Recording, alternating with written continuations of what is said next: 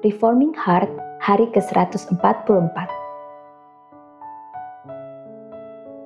Renungan ini diambil dari website pemuda.stemi.id. Tema renungan hari ini adalah Kehancuran Yehuda dimulai. Mari kita membaca Alkitab. Diambil dari kitab 2 Raja-Raja pasal 23 ayat 25 sampai dengan pasal 24 ayat 7. Demikian bunyi firman Tuhan. Sebelum dia tidak ada raja seperti dia yang berbalik kepada Tuhan dengan segenap hatinya, dengan segenap jiwanya, dan dengan segenap kekuatannya, sesuai dengan segala Taurat Musa. Dan sesudah dia, tidak ada bangkit lagi yang seperti dia. Tetapi Tuhan tidak beralih dari murkanya yang sangat bernyala-nyala itu yang telah bangkit terhadap Yehuda oleh karena segala sakit hatinya yang ditimbulkan Manasye. Lalu berfirmanlah Tuhan, juga orang Yehuda akan kujauhkan dari hadapanku seperti aku menjauhkan orang Israel, dan aku akan membuang kota yang kupilih ini, yakni Yerusalem, dan rumah ini, walaupun aku telah berfirman tentangnya namaku akan tinggal di sana.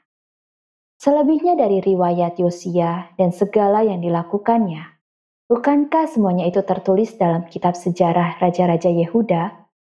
Dalam zamannya itu, majulah Firaun Neko, Raja Mesir, melawan Raja Asyur di tepi sungai Efrat.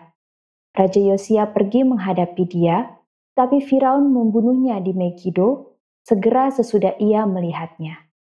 Pegawai-pegawainya mengangkut mayatnya dengan kereta dari Megiddo dan membawanya ke Yerusalem.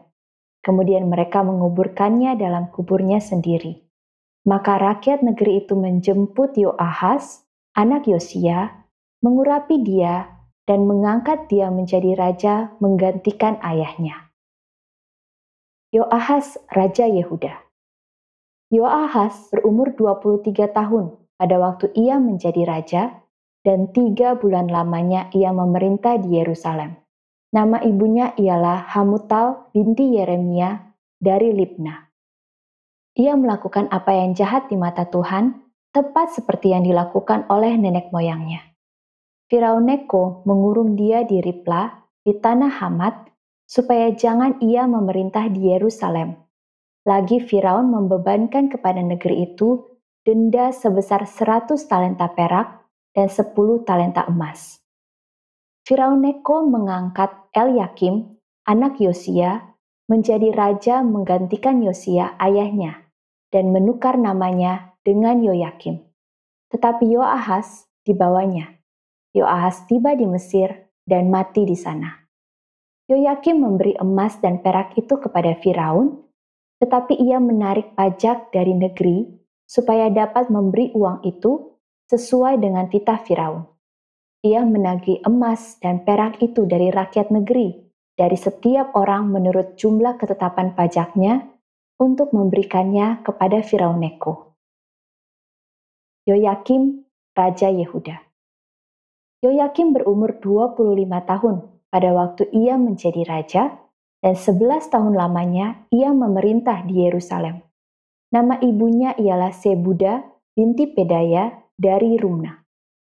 Ia melakukan apa yang jahat di mata Tuhan, tepat seperti yang dilakukan oleh nenek moyangnya. Dalam zamannya, majulah berperang Nebukadnezar, Raja Babel. Lalu Yoyakim menjadi takluk kepadanya tiga tahun lamanya. Tetapi kemudian Yoyakim berbalik dan memberontak terhadap dia. Tuhan menyuruh gerombolan-gerombolan Kasdim, gerombolan-gerombolan Aram, gerombolan-gerombolan Moab, dan gerombolan-gerombolan Bani Amon melawan Yoyakim. Ia menyuruh mereka melawan Yehuda untuk membinasakannya sesuai dengan firman Tuhan yang diucapkannya dengan perantaraan para hambanya, yaitu para nabi. Sungguh, hal itu terjadi karena Yehuda sesuai dengan titah Tuhan untuk menjauhkan mereka dari hadapannya oleh karena dosa-dosa Manasye setimpal dengan segala yang dilakukannya, dan juga oleh karena darah orang yang tidak bersalah yang telah ditumpahkannya, sebab ia telah membuat Yerusalem penuh dengan darah orang yang tidak bersalah, dan Tuhan tidak mau mengampuninya.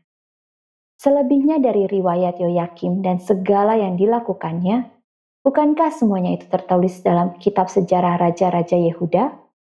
Kemudian Yoyakim mendapat perhentian bersama-sama dengan nenek moyangnya, maka Yoyakim, anaknya, menjadi raja menggantikan dia. Raja Mesir tidak lagi keluar berperang dari negerinya, sebab Raja Babel telah merebut segala yang termasuk wilayah Raja Mesir, mulai dari sungai Mesir sampai ke sungai Efrat.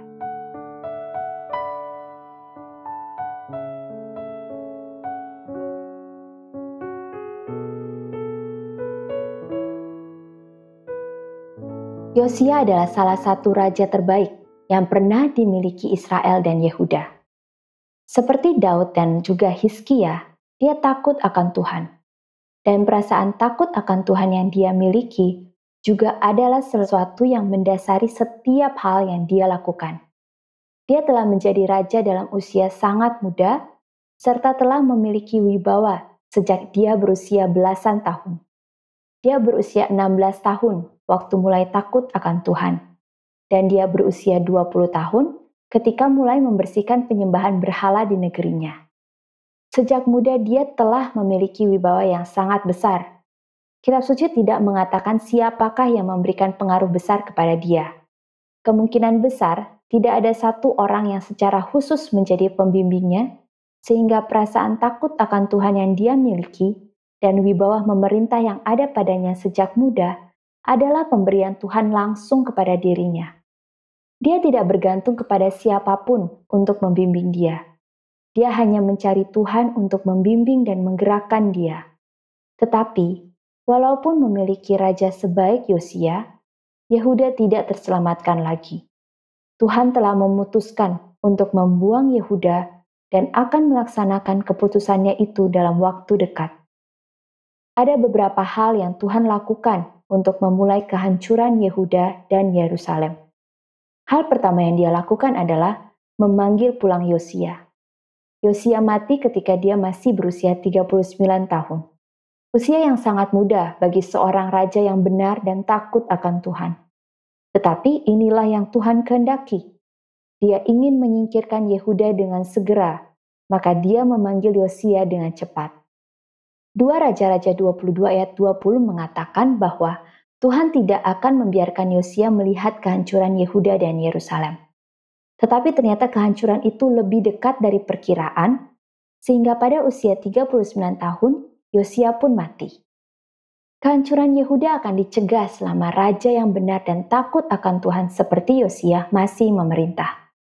Tuhan memperpendek masa hidupnya dan masa pemerintahannya sebagai bentuk penghukuman dan awal kehancuran bagi Yehuda karena dosa-dosa mereka yang telah bertumpuk-tumpuk.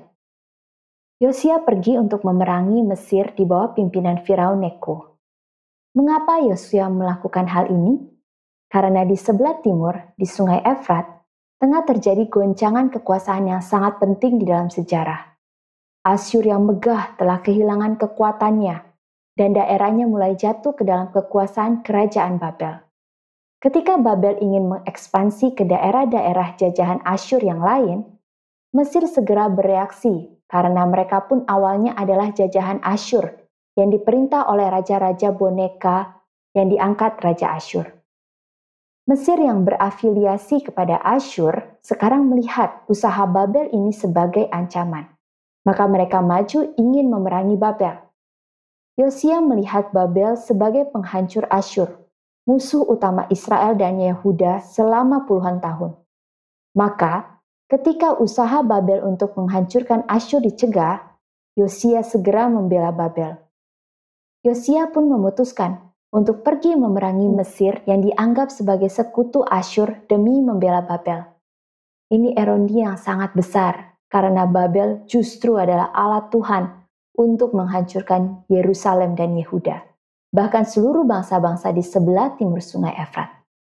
Maka Yosia maju memerangi Mesir yang berada di bawah pimpinan Firaun Neko, tetapi dia terbunuh di dalam peperangan itu. Yehuda telah kehilangan raja terbaiknya dan tidak lama lagi akan kehilangan segalanya karena Tuhan telah meninggalkan mereka. Bibit kehancuran kedua yang Tuhan lakukan adalah menaikkan raja yang jahat, yaitu Yoahas anak Yosia. Sangat berbeda dengan ayahnya. Yoahas adalah raja yang jahat dan sangat dibenci oleh Tuhan. Ketika raja yang jahat berkuasa atas umat Tuhan, maka itu adalah bencana bagi umat Tuhan. Mereka akan terseret semakin jauh dari Tuhan dan sulit untuk kembali, kecuali raja itu digantikan oleh raja lain yang benar. Maka, setelah Tuhan mengambil Yosia, Tuhan menempatkan Yoahas. Yehuda akan makin terpuruk dan kesudahannya telah makin dekat. Hal ketiga yang Tuhan lakukan untuk kehancuran Yehuda adalah mereka ditaklukkan oleh Mesir. Firaun Neko bukan saja menaklukkan mereka, dia pun menaikkan raja yang adalah raja boneka untuk membuat Yehuda tetap tunduk kepada Mesir, yaitu Yoyakim anak Yosia, saudara Yoahas. Tetapi bencana final bagi Yehuda dan Yerusalem ada pada 2 Raja-Raja 24 ayat 1. Raja Nebukadnezar, raja kejam yang sangat brilian di dalam perang dan menaklukkan daerah-daerah jajahan, adalah raja besar dari Babel yang membuat Babel menaklukkan Asyur dan menguasai seluruh daerah sekitar sungai Efrat hingga ke arah timur. Babel menaklukkan Mesir, sehingga sepertinya akan ada kelegaan bagi Yehuda yang tengah ditaklukkan oleh Mesir. Tetapi Ternyata Babel tidak berniat untuk membebaskan Yehuda. Babel justru berniat untuk memerangi, menghancurkan, dan membakar Yehuda dan Yerusalem, serta mengangkut penduduknya menjadi orang-orang buangan. Inilah hal-hal yang Tuhan lakukan untuk melaksanakan rencananya menghancurkan umatnya sendiri karena sakit hatinya yang ditimbulkan oleh pemberontakan mereka. Tuhan merancangkan kehancuran Yehuda dengan sangat detail, dia memanggil pulang raja yang benar, mengangkat raja yang jahat, dan mengirim Raja Nebukadnezar menjadi penghukuman final bagi Yehuda.